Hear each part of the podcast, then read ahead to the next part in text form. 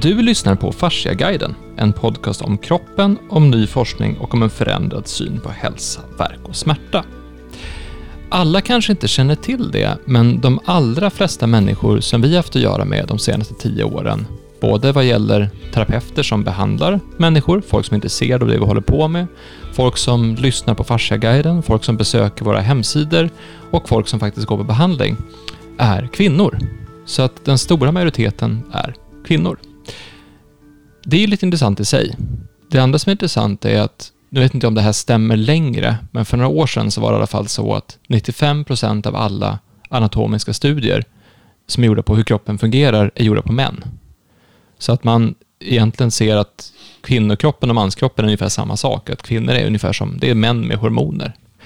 Och samhället i sig är ju också uppbyggt utifrån att vi alla är män med hormoner i princip.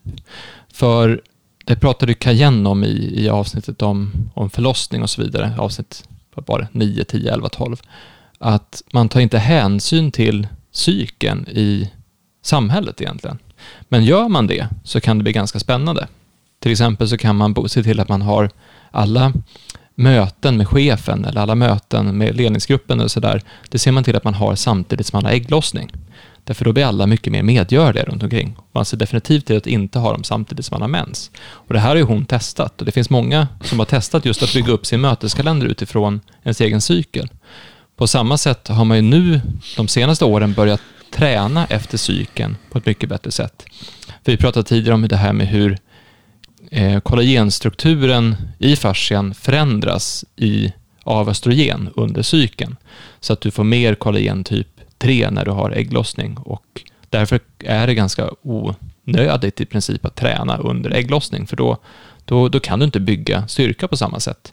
Och så pratade vi tidigare någon gång om att eh, när man inte har varit aktiv som under pandemin till exempel var det många kvinnor som inte spelade fotboll som spelade fotboll och sen när de kom tillbaka till fotbollen så fick de många mer korsbandsskador för de inte hade belastat på samma sätt och så vidare. Så att det finns, det finns mycket man kan tänka på kring det, måste säga, det är mycket man inte har tänkt på när det kommer till kvinnokroppen, när vi tittar på hälsa i samhället i stort. Och varför säger jag då det här? Jo, för nu ska vi, tänkte vi ha lite avsnitt med tema.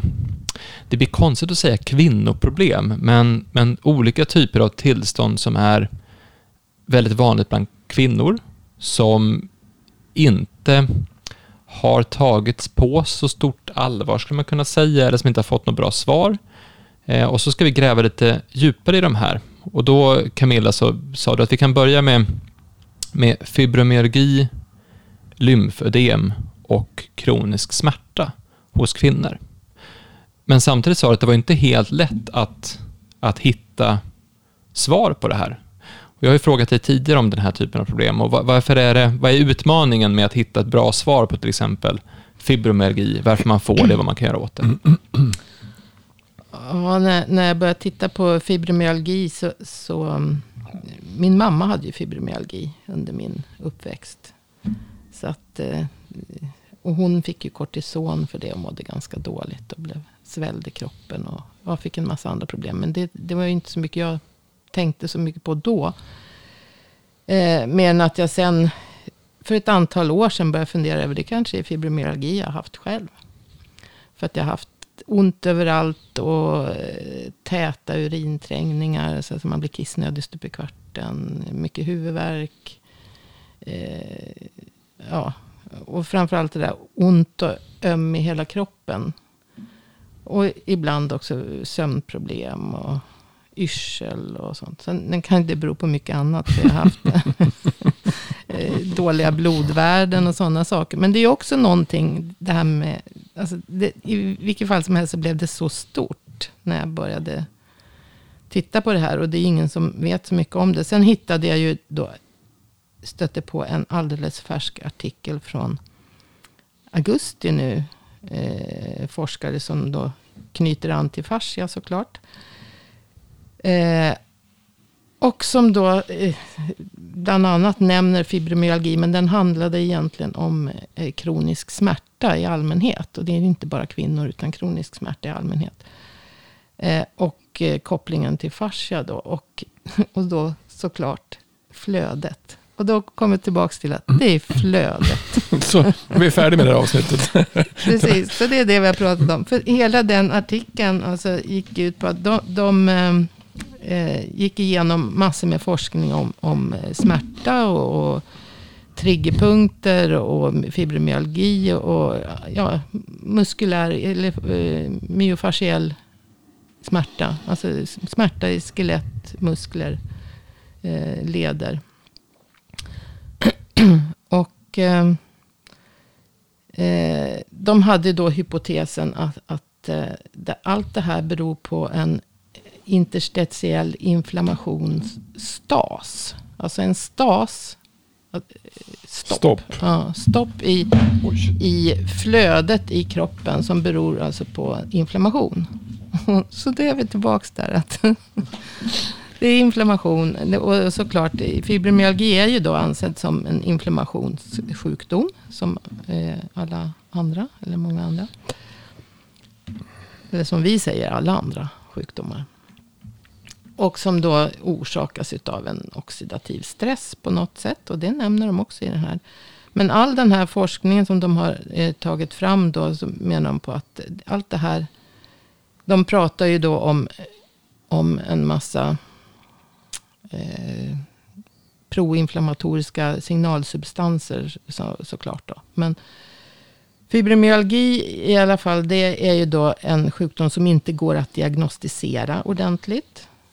Eh, jag var ju då, mamma hade ju som sagt, fick ju den diagnosen till slut. Efter mycket, men det var ju länge sedan. Det här var ju, måste ha varit på eh, 70, 80, 70, 80-talet.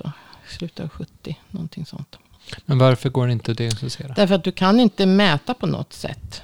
Smärta är upplevt. Eh, du, du har, det är diffusa, diffusa symptom, kanske är elakt att säga. Dem, men, men inga det finns ingenting, du kan inte röntga, du kan inte mäta med ultraljud, du kan inte ta blodprov, du kan liksom inte hitta någon, någon eh, tydlig diagnostiskt instrument om man säger så. Borde kunna använda, Utan, borde kunna använda eh, eh, värmekamera. Ja, fast det blir ju inte eh, bra. Varför det? Det, därför, nej men alltså en värmekamera mäter värme i kroppen. Och, och, och, det kan ju bero på så många olika. Alltså det finns enormt mycket fel faktorer då.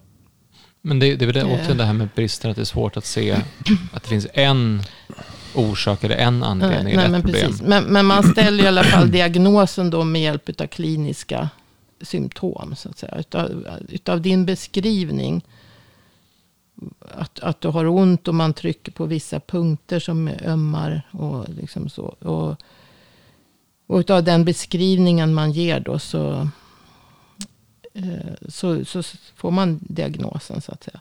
Eh, och det här.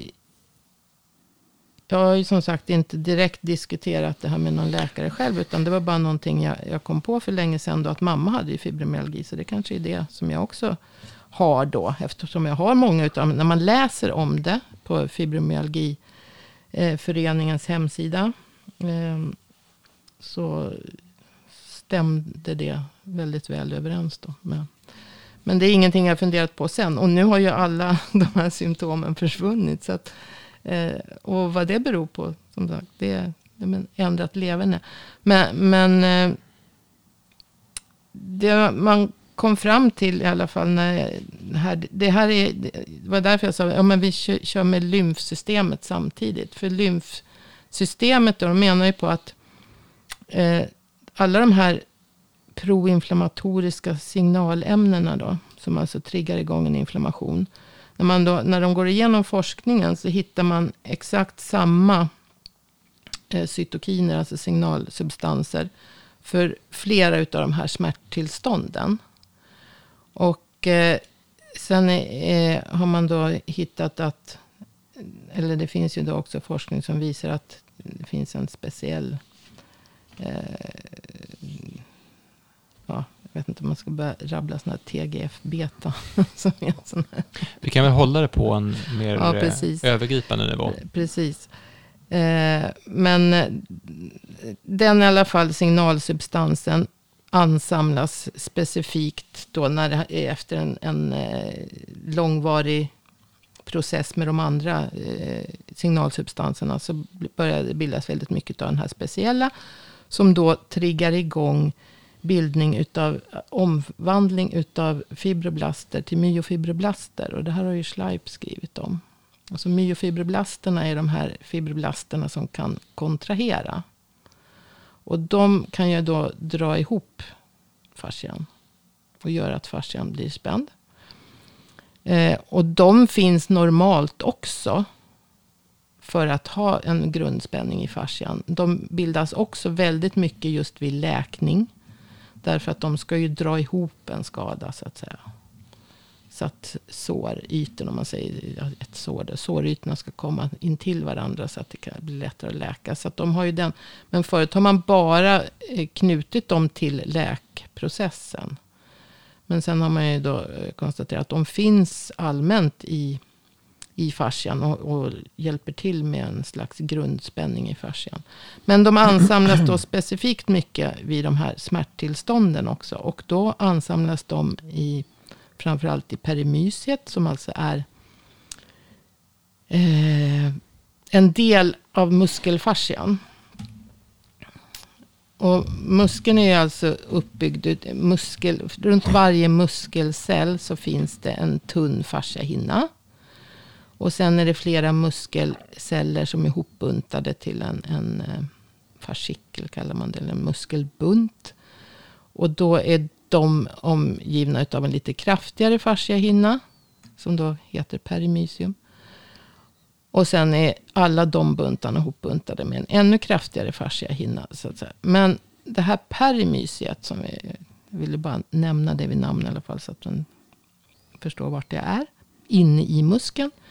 I den så finns, det är också där som muskelspolarna eh, är. Alltså muskelspolarna är koncentrerade. Muskelspolar är nerv, eh, eh, nervreceptorer eller nervceller. Som alltså ska reagera på eh, nervreceptorer som ska reagera på tryck. För de ska alltså reglera, i, i enkelt sagt så, så, kan de, så ska de, när det blir för högt tryck på dem, det blir det när muskeln sträcks ut. Mm. Då ska de, då ska de eh, säga till att oj, kontrahera, kontrahera, för annars kommer jag gå av. Mm. Alltså muskelfibrerna går av. Så de sitter alltså i det här perimysiet. Mm. Om det då i samma perimysium blir väldigt mycket myofibroblaster. Mm. Så kommer de att kontrahera, eller liksom dra ihop. Så att mm, Schleip har ju hittat då att, att det här perimysiet är förändrat hos dem med mycket smärta. Mm. Att det är ett kraftigare perimysium. Och då blir det ju tryck på dem fastän inte muskeln så att säga behöver kontrahera. Eller hur? Mm. Har jag förklarat det så att det är förståeligt? Vilket ja, jag ska se om jag kan göra det lite enklare här. Så att du har, myofibroblasterna används för att kontrahera, egentligen för att läka sår också. Ja, de används för, för att reglera spänning i... i ja. Precis, så man, man skulle kunna säga att det är någonstans en sårläkning som har gått snett lite grann. Vilket gör att det i bindväven runt omkring, i fascian runt omkring muskeln blir tajtare än vad det borde vara. Och när det blir tajtare än vad det borde vara så kläms det och gör ont. Det, det, kläms, det kläms på de här eh, myofib, eller muskelspolarna som säger då att muskeln ska dra ihop sig. För att annars kommer muskelfibrerna gå av om du fortsätter att dra i den. Mm. Men det är ju ingen som drar i den. Utan trycket kommer ju för att det blir för tajt i fascian runt om. Och då kommer muskeln alltså att hamna i något slags eh, hopdraget läge. Den försöker kontra, de kontraherar och så. Men egentligen, och, så, det, och alltihopa blir... Ja. Men det som egentligen, du ser om du förklarar nu, så, så jag satt och kollade om det fanns någonting som man har gjort för att försöka hitta markörer för fibromyalgi. Mm. Eh, det, Torsten Gård har gjort det. Han har ju försökt hålla på med det. Se mm. vilka inflammationsmarkörer det finns. Och det finns ju mer, mer lagral inflammation i fibromyalgipatienter än ja, andra. Jo, men det, det gör Men det är ingenting då, man normalt tar på. Man kanske gör det på en längre utredning. Men, men, men det är helt nytt. Han tog ju fram det för ett par år sedan. Ja. På samma sätt som han gjorde ju. Han konstaterar ju, och det var ju, nu tror jag vi tog upp något annat avsnitt om att, att whiplash är också kronisk inflammation mm. i nackrosetten. Mm. Mm. låggradig kronisk inflammation. Men det är ju inte någonting som man har... Det är sa, samma sak. Det är samma sak, I, i den ja. här artikeln. Ja. Så det är, men, men det är ingenting som... Så egentligen är det för mycket tryck i fibromyalgi. jo. Det är för högt tryck i kroppen. och, och det är ju det de säger, interstitiell stas. Ja, Alltså stas i grundsubstansen då. Alltså i det här det är, flö, i, och då är i det flödet mellan sa, det är, det cellerna. för, det är för lite flöde. Det är dåligt flöde i den extracellulära matrisen som vi har pratat om förut. Men vad som då händer också, för då kommer man in på... Eh, det här gör ju att det blir ett högre tryck. Och det blir ett högre tryck på eh, smärtreceptorerna. Smärtreceptorerna sitter i den här fascian. Eh, runt om muskulatur och, och, och alla organ. Och, runt om i fascian på olika ställen. Så eh, fascian är väldigt rik på smärtreceptorer. Mm.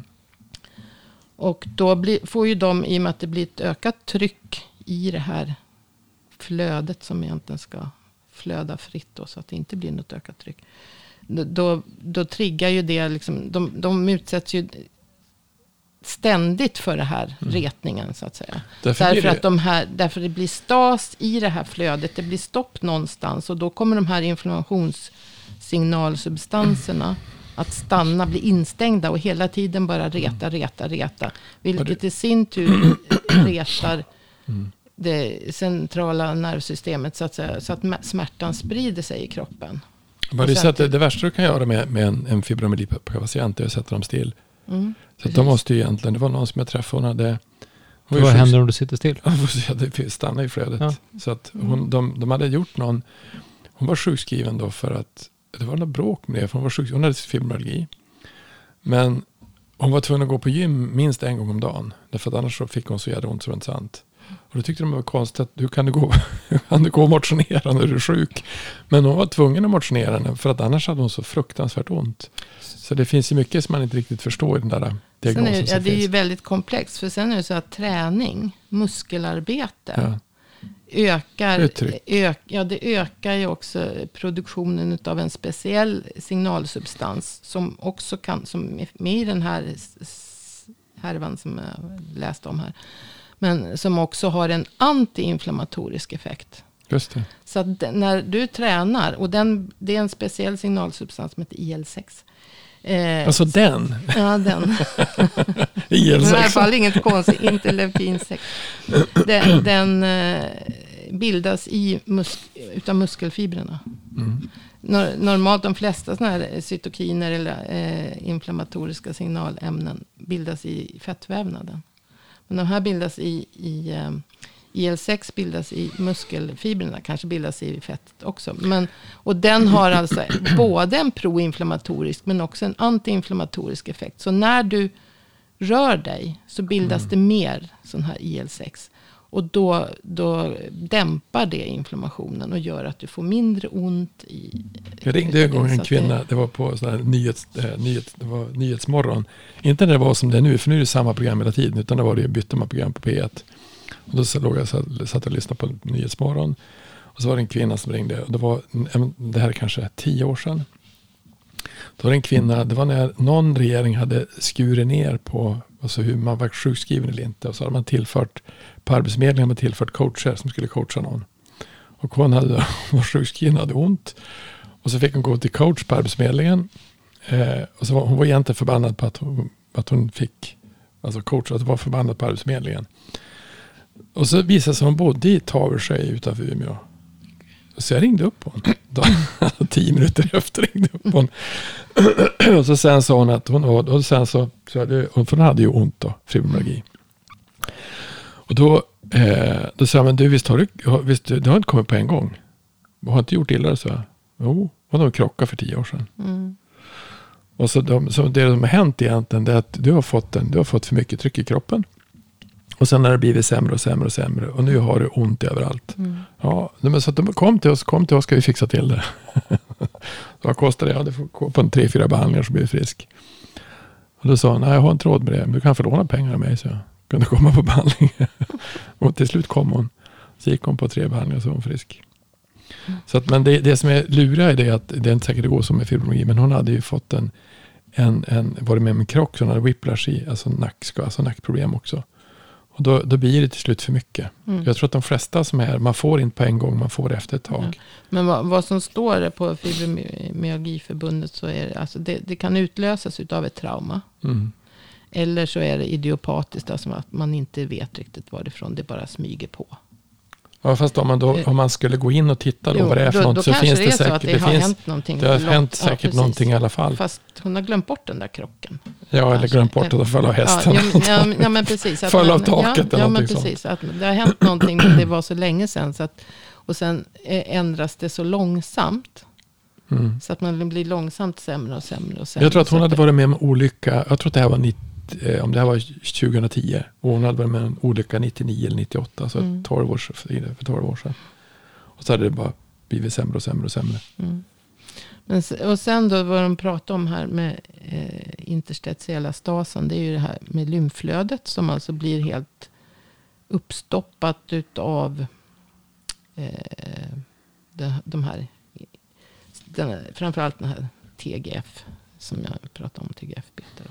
Men utav, ett, utav den här eh, myofibroblast kontraktionen. Att det alltid dr- drar ihop sig. Så trycker ju det på lymfsystemet. Och som jag har väl sagt förut någon gång hur lymfsystemet var uppbyggt.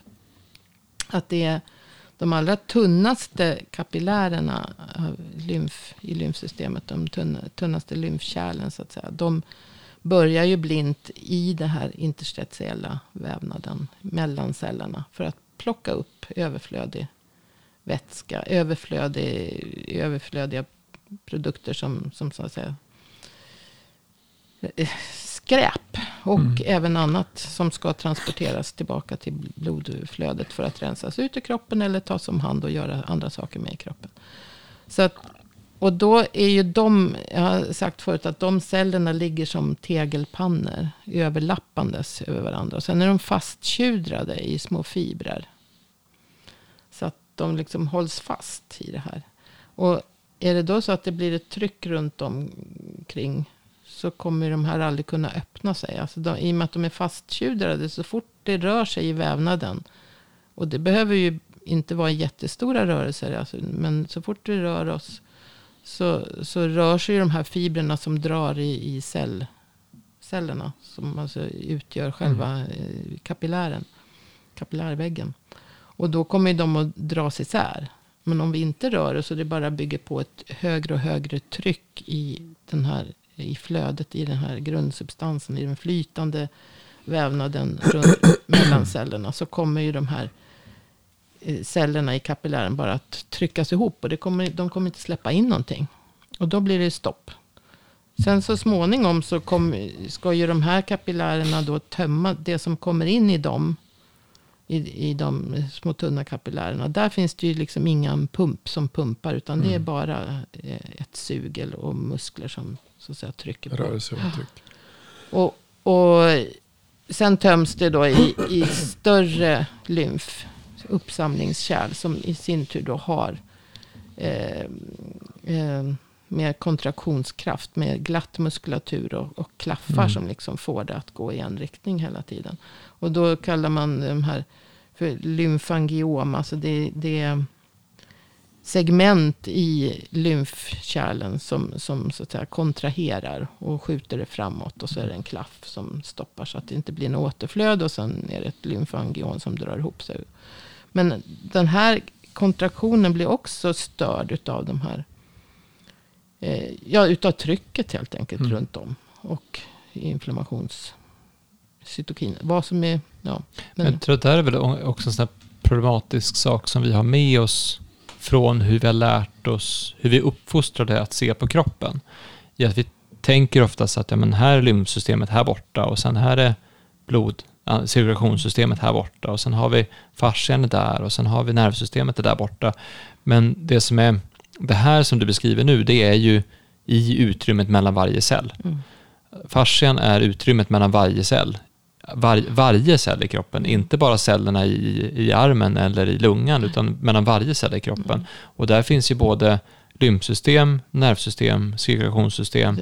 Allting ligger på varandra överallt samtidigt. Och den, därför blir ju ett stopp någonstans blir ju ett stopp som är överallt. Allting sitter ju ihop, så att det är en enhet där det är ett stopp någonstans. Så det får ju konsekvenser för hela kroppen att det är stopp på ett ställe. Ja, det, det kan ju vara så att kroppen försöker stänga. Det är lite så med lymfsystemet. Det försöker, om det blir en inflammationsreaktion med sådana här cytokiner. Så börjar lymfsystemet först reagera med att det ska öka den här kontraktionen. Men om det sen blir för mycket av vissa substanser så, så, och blir för högt tryck så stoppar det istället upp. Och då, då har man förklarat det att, att det är en annan effekt om det blir för kraftig inflammation så vill kroppen försöka stänga in det på ett begränsat område. Så det kanske bara är ett begränsat område och sen flödar det runt omkring. Och då mår ju inte det, det området speciellt bra då så att säga. Men sen då försöker kroppen kompensera med att leda andra vägar. Men där blir det också så, vi säger nu att, att eh, jag till exempel har problem med ett lillfinger, säger vi nu, som, bara, bara som exempel. Har jag ett lillfinger jag inte kan använda så kommer det innebära att mina andra fyra fingrar kommer få användas mer. Så att det tas ju, det området som är av, alltså avstängt eller isolerat eller under, under konstruktion om man säger så, det kommer ju belasta, och det där kan man ju återigen tänka på det här med, ja men om det är vägarbete eh, på den leden där borta, ja men då kommer ju fler bilar att åka en annan väg, Just vilket kommer belasta den vägen på ett annat sätt. Och så, är ju, så fungerar ju flödet. Flödet ska igenom Ja. oavsett vad som händer, men det kommer påverkas av vart det är stopp någonstans. Och därför kan jag tänka, om vi går tillbaka till fibromyalgin nu då. Så det du sa egentligen är att det är ett, det är ett konstant tryck. Och det är för mycket myofibroblaster där det inte ska vara myofibroblaster. Och myofibroblasterna drar ihop. Och de säger åt musklerna att de ska dra ihop, även fast musklerna egentligen inte ska dra ihop. Och det här i sin tur gör att det blir en överdriven inflammation på det området. Och det, blir, det blir ett högre tryck. Det blir en, inflammationen eh, startar ju det hela. Så Ja. det är inflammationen som startar med de här eh, signalsubstanserna. Så att säga. På grund av stress. Alltså psykisk stress. Eller på grund av eh, någon fysisk skada. Ja, oxidativ stress egentligen. Ja, ja, det, det ger ju en oxidativ Mm. stress. All typ av, av eh, mental eller fysisk stress ger ju då en, en oxidativ sen då stress. området där, där det är högt tryck, det blir ju automatiskt då mer smärtsamt eftersom att trycket i sig gör att smärta signaleras. Precis. Men då måste ju också det innebära att flödet minskar i det här området. Flödet minskar i det området och sen signalerar det så småningom smärta ut över ett större område därför att eh, cen- centrala nervsystemet liksom får, blir överretat. Och Och det här måste bli en ond spiral. det blir en ond spiral. Och det är det som jag tänkte att man skulle komma alltså, om man ska förstå sambandet mellan vad som har hänt en gång i tiden och hur det är just nu, så är det ju den här, den här nedåtgående onda spiralen. Den kan vara ganska svår att bryta. Mm. Och de menar ju då att även om man sen då lyckas, det här är ju alltså efter en långvarig process, att det har hållit på länge, även om man sen lyckas få igång lymfsystemet, så finns den här smärtan kvar. Men alltså en sak som jag funderar på. Det, det är en del, alltså det är också en. Det kan vara med alltså system. För en del, en del kvinnor börjar bygga på sig en massa vätska. Mm. Ehm, om den vätskan är. Om det är därför att öka. För det är ganska märkligt att man bara gör det. För om man tittar på.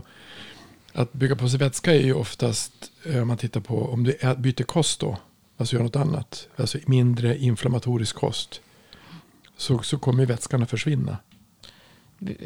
Så det måste ju, inte, vi- viss kost binder mer vätska än, än, än annan. Så att eh, socker till exempel binder. Gör att det blir mycket. Mycket vätska. Vätska, ja. Ja. För det, om man tittar på. Eh, för det, det, det är fascinerande. Alltså en del av de som har fibromyalgi. De har ju också svält. Alltså blir mycket mera vatten. Alltså mycket, mycket vatten i kroppen. Det kanske är kroppens sätt att försöka skapa mer flöde då. Tillföra mer vatten. Eller för det blir. Det, eller? Ja, jag vet inte. Ja, men du, du, du berättade förut Camilla om det här med, med alltså hyaluronsyramolekylen vill vara som ett långt, rakt tåg, hyaluron- ska man ja precis. Hyaluron. Alltså Men- det är ju så komplext det här som man liksom får tänka på alla. Alltså det, det går inte att tänka på alla det. Allt som kan påverka. Men, men som sagt. Eh, kosten påverkar ju definitivt. För om du tar Och- läckande tarm, om du, om Ja, sån och sak. IBS är vanligt hos de som har Fibromyalgi. fibromyalgi. Så alltså Så- någon slags mag-tarmstörning. Ja, exakt. Och då, vad är orsak och vad är verkan? För det kan ju också vara, eh, tarmfloran är otroligt viktig för hur inflammation i kroppen. Men det, har, det är ju alldeles... Ja, Tarmskörning, är det bra egentligen? Ja, men det kanske det, det, det tror jag inte. Det kan vara kanske, jättebra, det kanske kanske inte bra. det är är bra för att eh, om man inte, men jag tror jag är mer på eh, Alltså, för dig utav, utav var ju det jättebra. Mm. För dig var det jättebra med tarmsköljning, för när du gjorde tarmsköljning så såg du... alla, ja, visst det. Ja. Ja, men framför allt, det som hände när du... Det här var en gammal historia. Jag var, jag var 12 år gammal. Eh, och så kommer min pappa hem och säger så här. Nu ska vi sluta äta socker, allihopa. Och jag bara, nej, det tänker jag inte göra. Vem, vem, vem tror du att du är som säger så? Jag bestämmer väl det själv. Nu ska vi sluta äta socker allihopa. Nej, men jag tänker inte sluta äta socker. Ja, men om du får något då? Nej, men ja, varför ska jag sluta med det så här? Och så tittar jag mig så här. Axel, jag är din pappa och jag älskar dig. Jag, jag kan ju inte låta dig göra någonting som jag vet är farligt för dig. Det här, du, det här kommer från världens största godisråtta. Men då har Hans varit på tarmsköljning och under tre timmar har han sett Två timmar gröna, du sa tre då i alla fall, Ja. gröna svampar bara, patru, alltså bara sugits ut ur hans eh, tarm. Han har varit jätteäcklad av det här och varit som sådär. Så att tarmsköljningen i sig vet jag inte vad den gjorde, men det som den gjorde med dig var att du vart ju så här, shit, inget socker.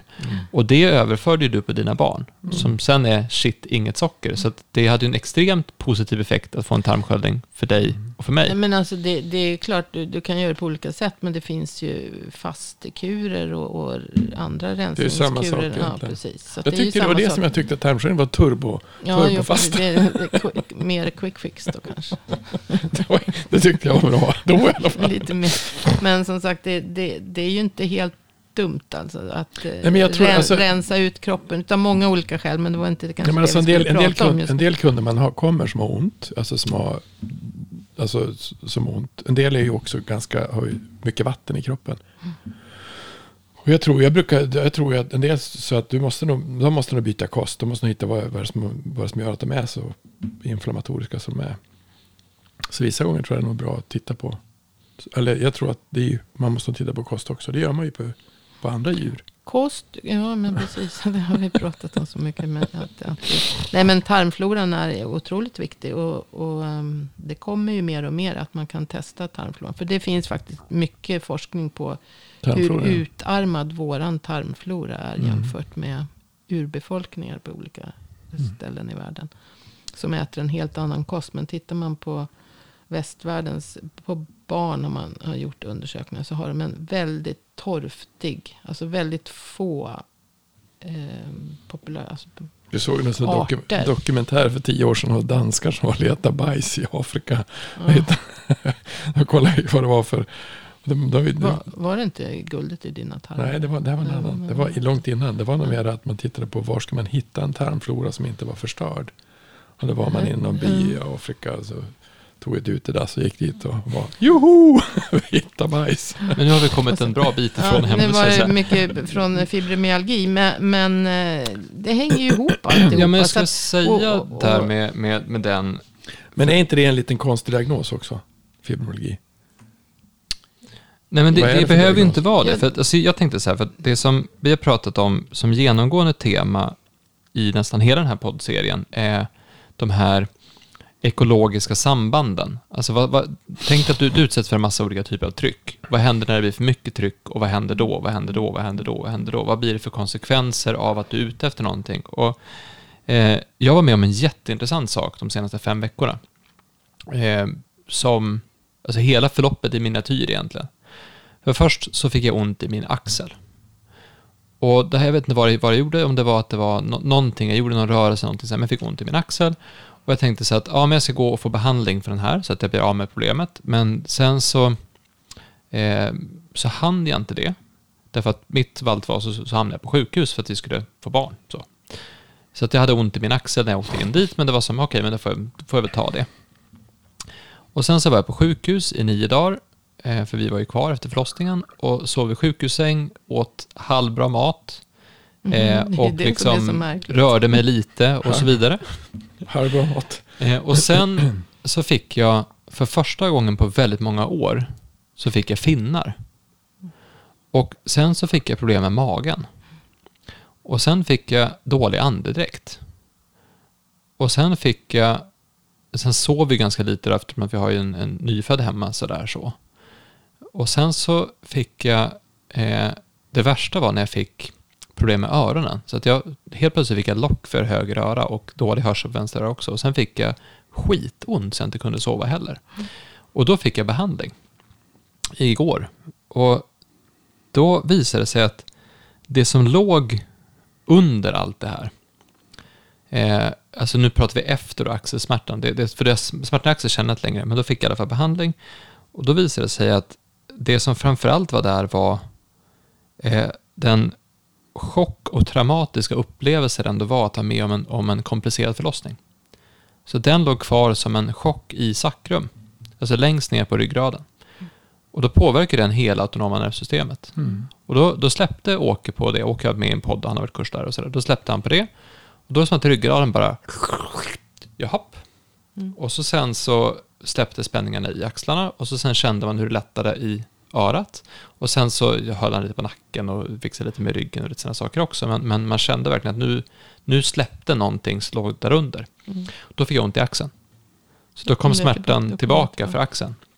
Så att igår vid den här tiden så kunde jag inte höra på mitt högra öra och jag hade skitont. Men nu är det nästan helt borta. Och där, det, exemplet blir någonstans, vad händer med, du har, du har en, en skada, någon, någon form av obalans, sen råkar du ut för någonting som gör att det blir, det, du, du får en chock, det händer någonting. Och sen att se hur successivt organ efter organ, funktion efter funktion drabbas och påverkas av det här. Om jag skulle gå in och säga så här, jag har öroninflammation, kan jag få behandling för det? Då skulle det kanske lösa problemet i örat, men det skulle inte gå att hitta vad, vad är problemet bakom Exakt, det här. Mm. Du skulle inte hitta att ja, det, det, var, Nej. det var en chock, det var en traumatisk upplevelse. Och det, Jättemycket det får man ju stress. säga. Ja, det är jättemycket stress under en minut. För det var, alltså ett tag var det faktiskt fara Fast det för... var ju säkert eh, under en längre tid än så. Fast Ja. du kanske bara upplevde det under. Ja, men precis. Men det är ju säkert höga kortisolpåslag i många dagar. Ja, allt gick jättebra, men det var faktiskt ett ögonblick som vi trodde att vårt barn skulle dö i, vid, vid eh, förlossningen. Och det blir en jätte, jättegrej. Så. Och det har jag inte jag accepterat förrän igår. Att det faktiskt var, att jag var så pass rädd som jag var för en Jag sekund. trodde ju också att du skulle dö. För det var så jag hade en sån här, när Axel föddes, hade en sån här dyrt, dyrt, dyrt, smäta som gick och så stoppa CTG. ja, Ja. pulsen. Så, jag vet, så jag stod och tittade på det så, så, boink, och det var borta.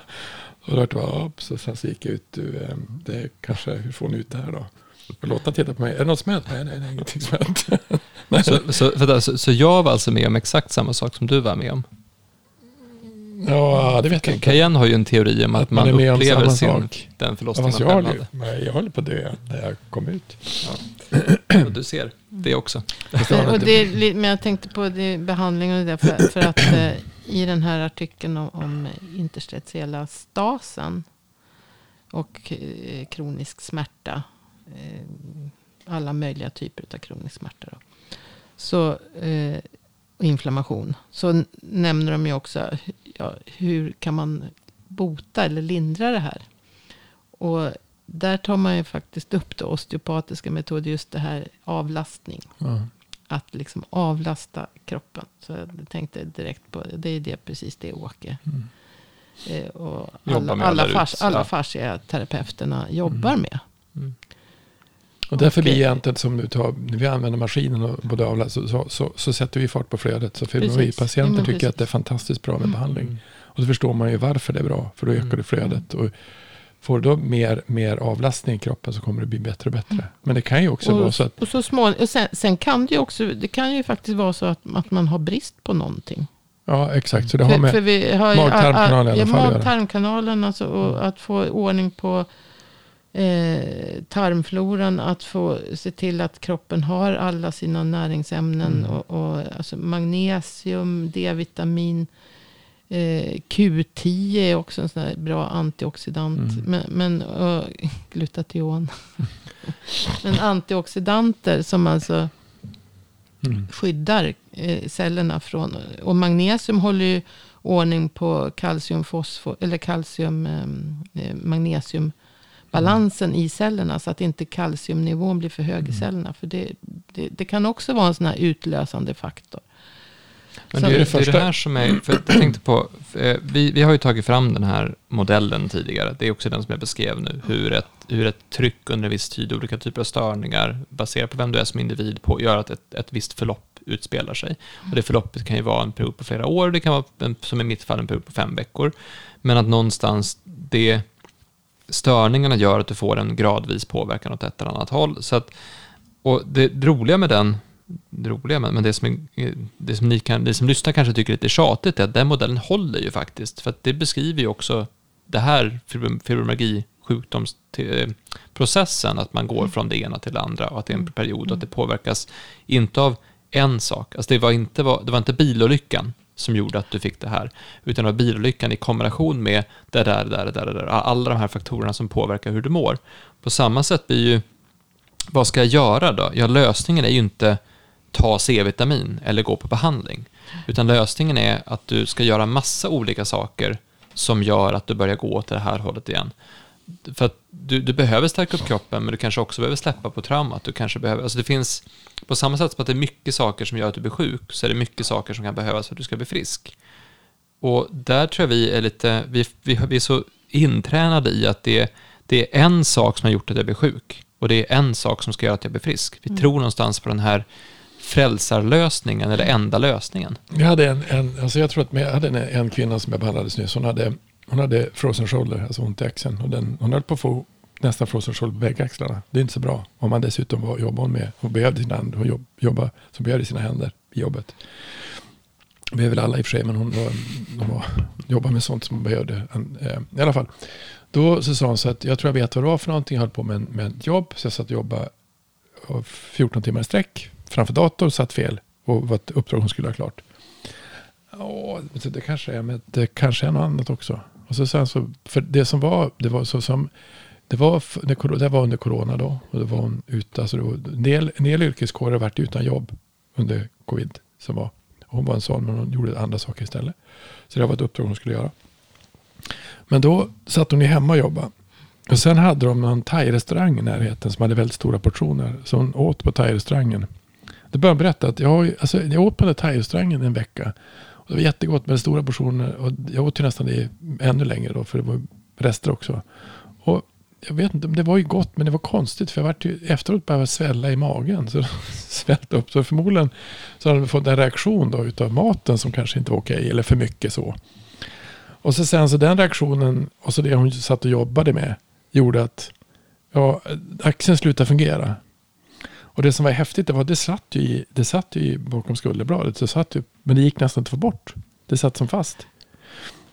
Så ibland kanske det är andra saker som, vad kommer det ifrån? Ja, inte vet jag var det kommer ifrån med, med, med, med eh, eh, frozen shoulder. Men det är ju också en kronisk inflammation. Som förmodligen beror på en massa olika saker. Men att sitta framför en dator kanske inte är optimalt. Men det är där Nej, det blir så det är svårt. Någon slags överansträngning eller, eller trauma. Eller, eller kombination av många ja, saker ja, samtidigt. Precis. Ja, och därför att det är en kombination av många saker samtidigt så kanske det blir väldigt, väldigt svårt att hitta exakt vad det var. Ja, och, så det, det, så, och det som egentligen som, man, det som är lite fascinerande är att som du berättar som vad som händer, alltså allting som händer utanför oss påverkar oss inuti. Och det enda som händer inuti, det enda som händer med oss, det händer inuti. Det finns ingenting utanför. Utan allting händer inuti.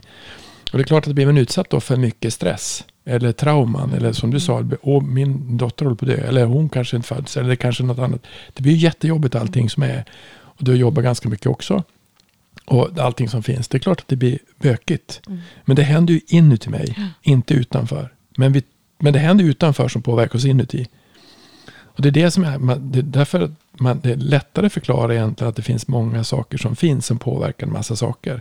Men det är också jätteenkelt att förklara varför trauman kan vara del i en, i en sjukdomsprocess. Och varför man inte bara kan ta bort det. Mm. Att man måste titta på vad är det som har hänt. Och därför tror jag att nästan alla som, eh, det har du sagt flera gånger, nästan alla sjukdomar med fascia att göra. Och är inte, är inte sjukdomar som är medfödda så måste det gå, gå att komma tillbaka. Det måste gå att reversera dem på något sätt. Ja, precis. För, för att alltså, det här med sjukdomar och fascia, det är ju då som eh, Antonio Stecco och hans grupp för bara något år sedan presenterade just det här med förtätningen i, i fascian som mm. är liksom upphovet till, och det är ju återigen, det är ju flödet vi pratar om. Mm. Förtätningen i grundsubstansen, förtätningen av hyaluronsyra och, och, och, vatten. Alltså den, den flytande delen i fascian som blir förtätad. Och sen efter det, när den har pågått under en längre tid så blir det så småningom en fibros. Därför att kroppen försöker. Och en fibros är ju då alltså en, en, en, ex, en extra eh, uppbyggnad av kollagen. Mm. Och kollagen blir då en tätare vävnad. Mm. Men från början så är det bara den här vätskan, det här flytande som så att säga, har tjocknat. Mm. Så att den har blivit extra det frö, fröet stannar av. jag hittade en ny metafor faktiskt till det här. Eh, för tänk, hyaluronsyran, den vill färdas som en flod. Att det ska färdas ja, rakt och så. Nu är det inte den som färdas. Ja, men, den, den, den, vill vara lång. Den. den vill, den vill ja. vispa fram ja. som, som små flim. Ja, men precis. flödet vill vara som en flod. En lång, mm. långt, långt sammanhängande utbrett och så vidare. Mm. Men det som händer är att det istället blir, istället för en flod, så blir det flera småsjöar. Mm. Det flera, flera mm. flå, jättesmå sjöar. Och de här sjöarna växer igen. Ja. Och de växer igen Precis. med kollagentrådar, de växer mm. igen med fiberproteiner. Mm. Och det är det som gör att det blir stelt. Så istället för att du har en lång flod så har du en smalare flod och flera sjöar som är i den här floden. En delta nästan. Ja, men det var ju så jag, jag tror jag för, försökte förklara det så för ett antal gånger sedan när vi pratade om flöd. Just det här att att jag har en damm hemma. Mm. Och, och, när man inte rensar den, som jag är slarvig att göra då. Mm. Så, så blir det liksom löv och det är gräs mm. och klipp och det är liksom massa växtlighet. Som, som, och det är en liten bäck som pålar. Och sen blir det då en ansamling av de här löven och gräsklippen på ett ställe. Och sen så blir det på ett annat ställe. Så det blir små, små klumpar. Om man inte tar bort de här då.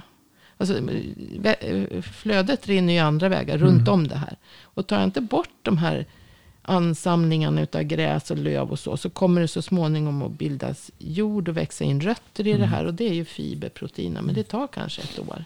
Och då blir det ju tjockare. Mm. Då blir det tjockare och då kommer det aldrig rinna något flöde där. Utan då är det liksom alldeles förtätat. Men är det det som är lymfödem? Nej, lymfödemet är ju, då har du flödet i själva lymfsystemet. Fast det, orsaken är ju stopp i flödet utanför lymfsystemet. Ja.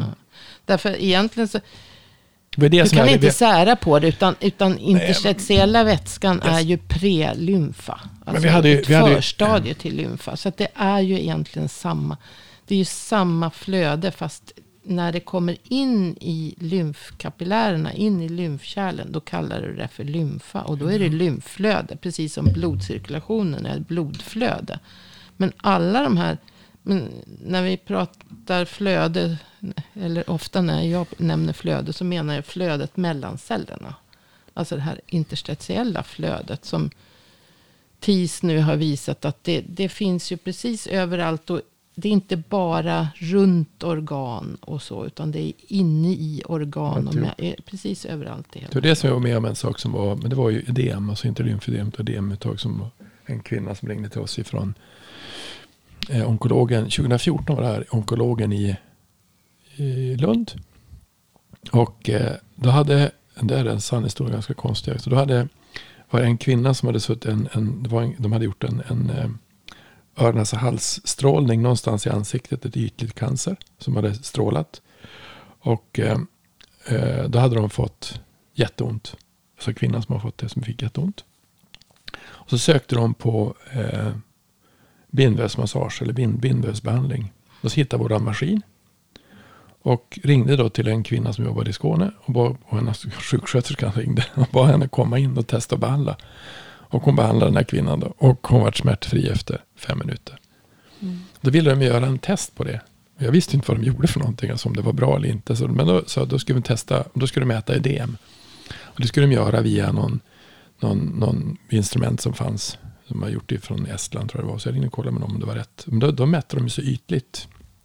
Och problemet var ju längre in i, alltså mm. i, i fascian. Mm. Och ni, kommer aldrig, ni, kommer, ni kommer få samma resultat men ni kommer inte få reda på varför.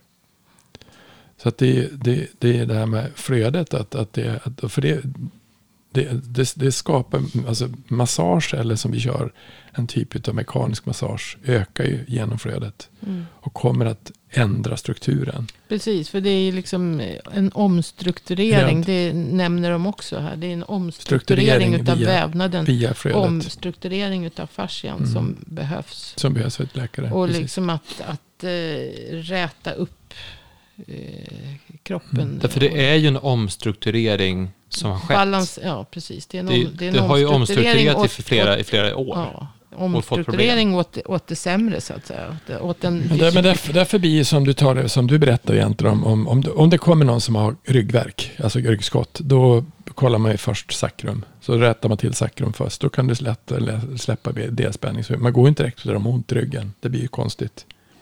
Men det som är intressant som jag pratade med Åke om och, och som jag pratade med också. Vi har ju köpt jag satt ju, vi köpte ju en häst en gång. Jag berättade på ett styrelsemöte att vi köpte en häst. Har du köpt en häst? Är du tokig? Det var ju en digital häst, men vi har köpt en digital människa också. Eh, och då kan man ju, det luriga med de där modellerna är att hästskrället kan ju springa. Det kan de här digitala modellerna också.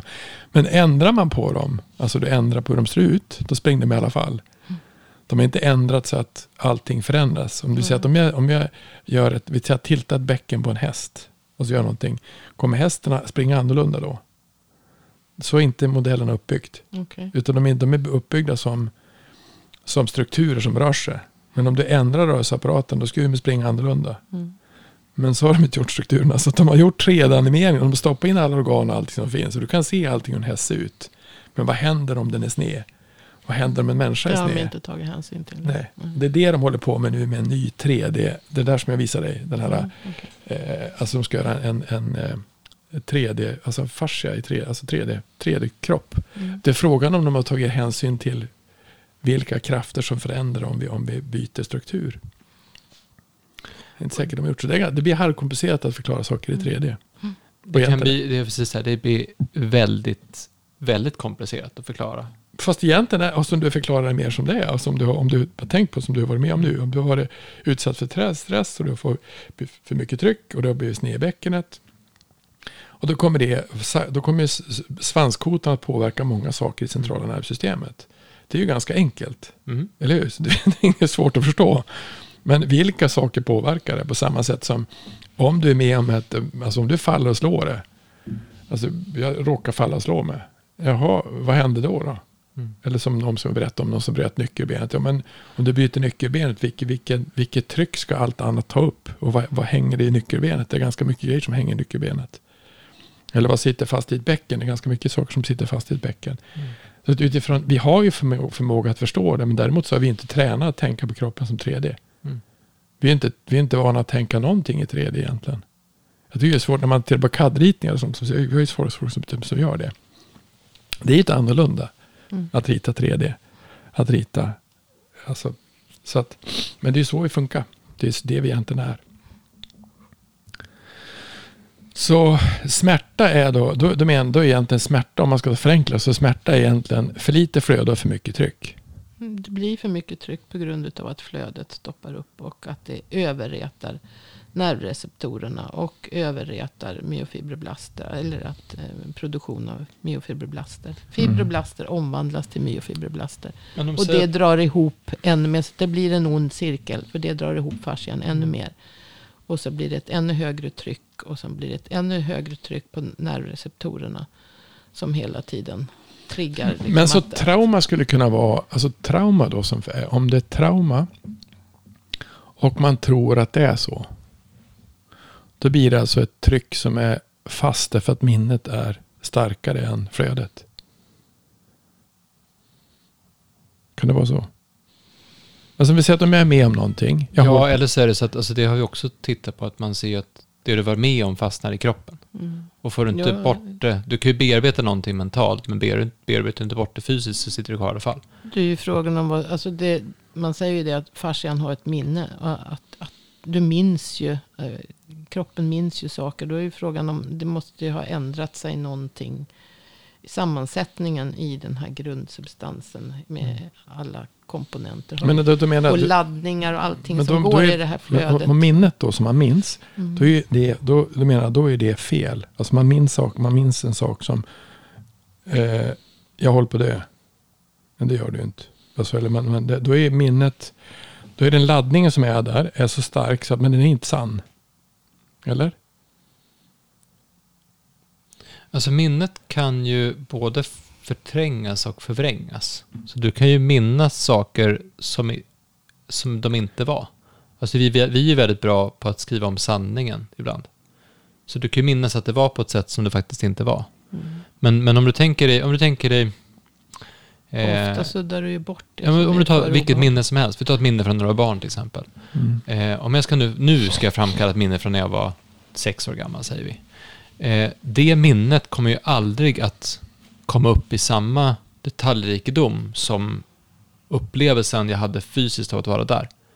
När jag var där så kunde jag ta in, jag kunde ta in vinden och solen och gräset och, och Mm. rösterna och Mm. intrycken och allt som det var. Mm. Men när jag minns tillbaka på det så minns jag ju bara alltså en liten bit av vad det var. Jag minns kanske det som påverkade mig mest. Medan min kropp var ju där, den var ju där och såg alltihopa. Mm. Men så att jag, jag tror att det, det snarare kanske är så att, vi pratade om det i något avsnitt med Per också, vi, apropå när jag satt på en bar med en kompis och började titta på vilka ljud som faktiskt fanns. Mm. Alltså när man väl tänker på vilka ljud som finns runt omkring en så inser man att oj vad mycket jag, jag hör utan att tänka Som på. sorterar bort. Att man filtrerar, man medvetet filtrerar vi bort väldigt, väldigt mycket som händer. Men kroppen, fascian filtrerar inte bort, den tar in alltihopa. Och då kan ju den ha tagit in någonting som jag antingen filtrerade bort eller har förträngt. Eller inte förstod. Eller inte förstod. Så att egentligen, då, då är min- minnet som man inte... För jag, då, jag har varit med om två sådana konstiga saker som jag kommer ihåg, som jag inte borde kunna komma ihåg. Det ena var för jag var höjdrädd. Och det andra var att jag fick lite smisk på stjärten av min farmor. Och som satt kvar. Och smisk på av min farmor, det, ju, det finns inte en chans att jag kan minnas. Men jag minns det när jag, när jag var med om det. Um, och det gjorde ju, det satt ju, det satt ju som fast i, i, i sakrum att, att man vart, alltså ett hop, alltså hulk. Och det var ingenting, hon tyckte jag var, ett ord, det var ingenting, hon tyckte jag var odygdig. För jag hade eh, lastat ved i en, i en källare fast jag lät vedpinnarna fara runt istället. Det var roligt att se vad veden gjorde. Du kastade ner ved för trappan och tittade på hur du studsade. Exakt. Ja, Och det var så, sen så, jättekul. och så fick jag en del Som tvååring. ett Ja. och ett halvt kanske. Ja. Så fick jag veden dessutom förut i pannrummet. Det var ännu roligare. Ja. Och så sen så tyckte hon att jag var odygdig. Så fick jag smisk på stjärten. Jag förstod inte vad det var för någonting. Och det satt, det var en osteopat som skrev fixa till mitt bäcken. Jag tänkte jag gör mig så liten som möjligt så att det, det hjälper han. Och då då jag såg det minnet. Mm. Så, men då, det är ju ett minne som jag inte förstod. Jag förstod inte vad hon gjorde. Du förstod inte varför det var fel Hur, att hur, så kul. ja, hur, kan, hur kan roligt bli dumt? Jag är en ett och ett halvt år förstår ju inte hur fem öre. Så det är ett minne som jag inte förstod. Det andra som jag fick, det var ju när pappa, när jag satt på taket på, på Loge, på, när jag satt, farsan byggde staket. Och så sen så ska jag prata med honom, jag pratade, pratade, pratade. Mamma sa att jag går ut och pratar med att, men han lyssnade inte vad jag sa för något. Så jag provade, gick längre bort, så han hörde inte vad det var för något. Så gick jag ut och satt med, klättrade upp på logen som var mitt emot. Och så satt jag mig på taket och satt jag och pratade med pappa där. Så sen så tyckte han att jag var väldigt långt borta. Så, vad är det? Men jag sitter ju här framför dig och tittar framför dig. Och då, ja men här. Så vinkade jag då. Då satt jag upp på logen åtta meter upp. Eller typ sex meter upp kanske. Det var högt i alla fall. Och hur är det? Jättefint där uppe, så jag. Kanon. Och sen så, men jag kom upp och för att titta det, så han slutade ju. Sprang och hoppade på stegen och så satt jag där. Det här är jättefint Hans. Ja, man borde vara mer här uppe sa jag. Ja, exakt så. Annars det här är jättefint. Vad roligt att du klättrar upp hit, sa han. Ja. Men jag går ner nu. Du kom, du kom sen. Ja, jag kommer sen. Så gick han ju ner och så stod han i stegen. Och så sen klättrade vi tillsammans ner. Så, så tar han tag i mig så här. Gör aldrig sådär mer. Och så, då, då fick jag ju ta emot all hans rädsla som fanns. Och jag fattade ingenting. Vadå? Och jag var ju livrädd för höjder. Alltså. Jag var ju livrädd när, när, när jag skulle lära mig. Då sa en kille som jag träffade. Han sa att lär dig, lär dig klättra i berg. Är du sjuk i huvudet? Så, så jag provade sån här bergsklättring. Och så klättrade jag upp. Efter fyra meter då, då frös jag ju. Men till slut så lyckades jag ju komma upp. Men då kom jag på vad det var för någonting. Det var ju det där. Så det fanns ju ett minne som jag var ju kroniskt rädd, så jag var ju så rädd för höjden så det var inte sant. Men nu är jag inte lika rädd för höjder. Jag tycker inte det är trevligt i och för sig, men jag kan ju stå på taket nu och stå på en steg och så. Men så störningar kan ju komma i alla möjliga olika varianter. Men jag tänkte bara avslutningsvis så... Det är ju, fibromyalgi i alla fall som jag började med. Det drabbar, vad jag har sett i alla fall, 9 av 10 som drabbas är kvinnor. Det är kanske ännu, fler- ännu mer än 90 procent som drabbas. Varför är det kvinnor som Ja. drabbas? Rita, om, gissa, vi, om, spring. vi, om vi... Det kan ju vara hormonellt, men, men om vi också... Men om vi tänker mer på... Jag vet inte. Alltså jag förväntar mig inte att du ska ha ett svar. Jag tänker att du kanske kan men spekulera jag lite har funderat över det och tänkte, men kvinnor är kanske mer dubbelarbetande, mer stressade. Jag tror inte att de har mer psykisk stress i sig, mer mental Men alltså, stress igen- än vad en kar har. Ja, men det kanske, de, kan, de kanske det inte... kanske är fördomar. Nej, men de, jag, tror att de är, jag tror att kvinnor generellt är mer känsliga. Kanske. Jo. Och, Och, och kvinnor generellt kanske är, eh, om du tar det här som du sa, om, alltså så länge man har menstruationscyklar, så är man ju, man tillverkar ju mer, man byter kollagentyp, Mm. vilket gör att man blir mjukare. Och mjukare blir man ju förmodligen, om du är mjukare i kroppen så blir du säkert stress, mer stresskänslig. För då kommer ju, när du blir mjuk, då, och när du stressar så kommer du kontrahera. Och om du kontraherar samtidigt som du inte ska vara kontraherad, för egentligen kroppen ska ju ställa in sig på att bli mjuk och föda barn. Jag tror att ökade östrogennivåer gav mindre eh, cytokinutslag. Alltså minskar cytokin, äh, min- signalsubstanserna. För annat. Så att eh, öst, högre östrogenhalter borde alltså vara... Bättre. läste jag någonstans. Mm. Men kan det vara så att det, det är precis det som vi började med? Alltså det som jag började med?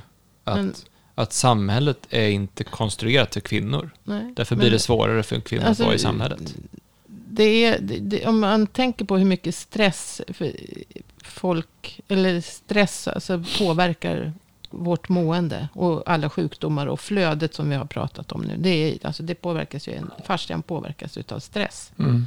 Ja, det gör den ju Och, till och med. och, och jag, jag tror att mer, fler tjejer är eh, mer mentalt stressade än vad killar är. Det är Ja, men kanske, därför- jag säger att det Ja. kanske är en fördom, men, men de, men de, det- de men är har inte- mer också ja. högre krav på sig själva på ett annat sätt. Tror jag. Ja, och det kanske också är för att, alltså, om du tänker dig, Vilket ger stress. det här, det här är bara en spekulation, Ja, men om du tänker att, att du, du som kvinna, fram till en viss ålder, din kropp förändras hela tiden. Varje månad förändras din kropp.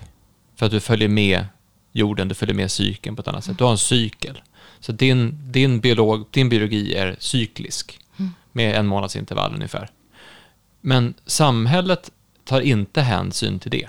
Samhället är eh, inte cykliskt, utan samhället är linjärt. 24-7. Samhället har en bild om att vi börjar här och sen ska vi någonstans och det är framtiden som allt är viktigt. Allt det viktigaste finns i framtiden. Allt som, allt som är viktigt är i framtiden. Det finns ingenting här och nu som du ska fokusera på och skit fullständigt i historien. Det vi pratat om i framförallt avsnitt 8, att vi har en väldigt stark framtidstänk. Även när vi är på semester så tittar vi på andra som är någon annans eller funderar på hur vi ska göra när vi kommer det, hem. Jo, men det är, precis, det är hela tiden så att det, det åh, när, jag, när jag kommer dit eller då när jag ska göra det, då Men din biologi är en cykel. Den är väldigt nära jorden. För jorden, allt på jorden är egentligen cykliskt. Alltså årstider är cykliskt. Till- Växt, växtlighet är cykliskt. Nedbrytning är cykliskt. Eh, Kroppen är cyklisk. Kroppen är cyklisk. Även att jag äter ju saker som jag sen bajsar ut. Det, det Våra en... kortisolnivåer är cykliska. Cykliska. Men, och det är ingen som tar hänsyn till det heller. Att, att vi påverkas av ljus och mörker på ett så att det blir helt annorlunda nu på Mm. vintern. Att allting, Ja, är som vi påverkas av ljus och mörker så Ja. har vi massa lampor överallt. ja, Jag hade en kvinna och, som... och alltså- D-vitaminnivåer och allt Ja, exakt. Men jag tror, jag tror att det som är, det som jag ser, nu när, när Axel har fått barn så ser man ju, då får man gå tillbaka och se hur det var när vi fick barn själva. Alltså vad det är för någonting. Och Lotta var ju bombsäker på att hon inte ens skulle bli pass, passa som mamma. Alltså, man kan ju olika idéer som du säger, det kommer du säkert göra. För de, de flesta gör ju det ändå. Så har man ju tid på sig. De, de, de, man, jag har ju aldrig haft barn. Jag har aldrig fått barn heller. Jag har bara sett hur min hur Charlotta gjorde när hon fick barn. Och hur hon var efter hon fick, före hon fick barn och efter hon fick barn och när hon fick barn. Alltså när hon födde. Det är min erfarenhet av barn. Alltså, något mer vet jag inte. Alltså, och så har jag sett dig. Vad du gjort för någonting? Och så vem jag var när det, när det hände. Men det som jag var fascinerad över det var ju hur lite hon sov på ett år. Det var helt makalöst. Alltså, alltså hur kan man... Och det, nu sover hon ju. Jag måste gå och lägga mig klockan tio. Jaha, hon är ju, vill ju gå och lägga sig sent, tid på kvällen och stiga upp tid på morgonen. Och sova ganska mycket. Hon sov ju ingenting första sex, sex månaderna. Inte ett smack nästan. Det är helt, men ändå hon var glad och pigg i alla fall. Mm. Och vad, vad påverkar, alltså det är ju det, hur, hur mycket oxytocinnivån påverkas av amning, påverkas av beröring och påverkas, vad händer egentligen med, med, med, med, med, med kvinnorna och få barn? Det är ganska fascinerande utifrån ett sådant perspektiv också. Så det är klart att jag tror att kvinnor är Eh, det, det, är klart att man är, de är kanske mer stresståliga och de kanske också behöver, och kanske lättare att se nu på ett annat sätt. Men det är också, det är också skillnad om det, det jag tror att det är kvinn, det är skillnad tror jag på kvinnor som har fått barn och de som inte har fått barn. Jag tror, att, jag tror att de som har fått barn har nog faktiskt, det, kan, det finns andra som inte har fått barn som upplevt samma sak säkert, men, men det som är häftigt med att vara med på förlossningen var att järnspikar vilken stark kvinna jag har. Alltså. alltså man ser hur stark en person är när hon föder barn. Alltså det är ju det är inte... För att inte tala om barnet. Ja. den som kom Nej, men alltså, det var ju det vi pratade om. Men få se den urkraften som fanns i min fru när hon födde barn var riktigt häftigt. Alltså att hur... Alltså det såg hennes hela kropp och blick och alltihopa. Alltså järnspikar vilken, vilken kraft som finns här. Mm. Och det är ju, det är ju så det är så fascinerande att... Det är väldigt fascinerande att nästan allting här är cykliskt. Men samhället, samhället är inte konstruerat efter det. Mm. Och de som får problem av det här, de som drabbas värst av det här, är kvinnor rent hälsomässigt, mm. verkar det som. Eh, nu kanske det kanske finns män, alltså det, det finns ju andra mans, jo, människor också. Så det, det, det, är inte, det här är inte ett sätt att säga att, att kvinnor har det värre än män eller någonting mm. sånt, men, men samhället verkar ju inte vara designat efter, efter kvinnor. Och det är frågan, är, det, är fibromyalgi ett kvinnoproblem eller är det ett samhällsproblem? Ett fasciaproblem är det. Fasciaproblem är det.